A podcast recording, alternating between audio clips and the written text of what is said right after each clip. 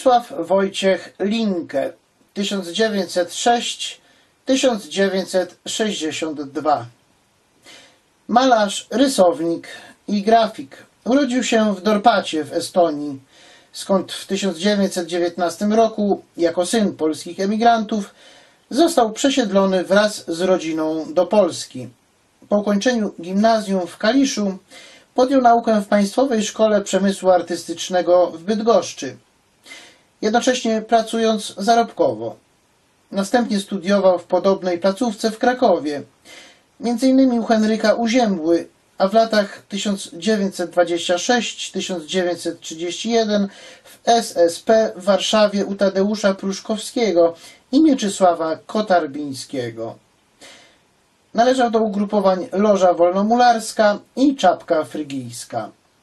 Współpracował jako rysownik i grafik z lewicującymi pismami Dziennik Ludowy, Tygodnik Robotnika i satyrycznymi szpilkami, gdzie zamieszczał karykatury polityczne.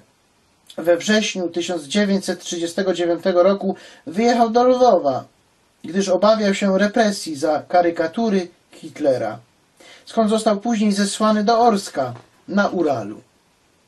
W 1946 powrócił jednakże do Polski. Po wojnie nadal udzielał się jako rysownik w gazetach Polityka, Trybuna Ludu.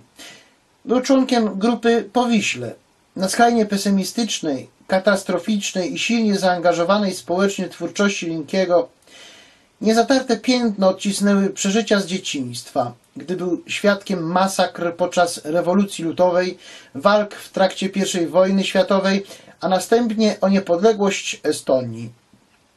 Do jego pierwszych prac zaliczają się cykle rysunków Wojna 1931-1932 i Miasto 1933-1935, ekspresyjnie wyrażające rozpad, ludzką wegetację.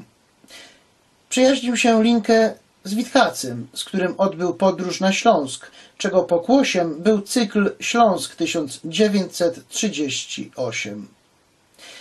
Pomimo lewicujących poglądów i zaangażowania po stronie komunizmu, jego powojenna twórczość znacznie odbiegała od głównego nurtu propagowanej przez władze sztuki. Wypracował indywidualny styl, którego najbardziej wyrazistymi elementami są perfekcyjnie wykonane naturalistyczne, zbliżające się do karykatury detale, w odrealnionych wizjach splatające się w symboliczne, szokujące obrazy okrucieństwa, dehumanizacji współczesnego świata. Cykl Kamienie krzyczą, przedstawiający zrujnowaną Warszawę, złoto Oświęcimia, morze krwi. Jednym z jego ostatnich i zarazem najsłynniejszych obrazów jest Czerwony autobus, metaforyczna, demaskatorska wizja polskiej rzeczywistości tego okresu. Ze względu na tematykę, a nie środki techniczne, wśród swoich prac wyróżniał obrazy oraz rysunki, do których zaliczał satyry tworzone do gazet, ilustracje książkowe, plakaty.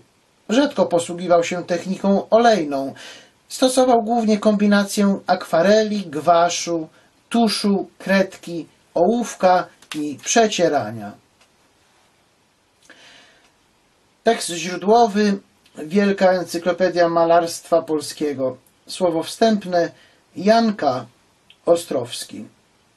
A teraz zapraszam już Państwa na zaznajomienie się z wybitnymi dziełami, których autorem jest Bronisław Wojciech Linkę.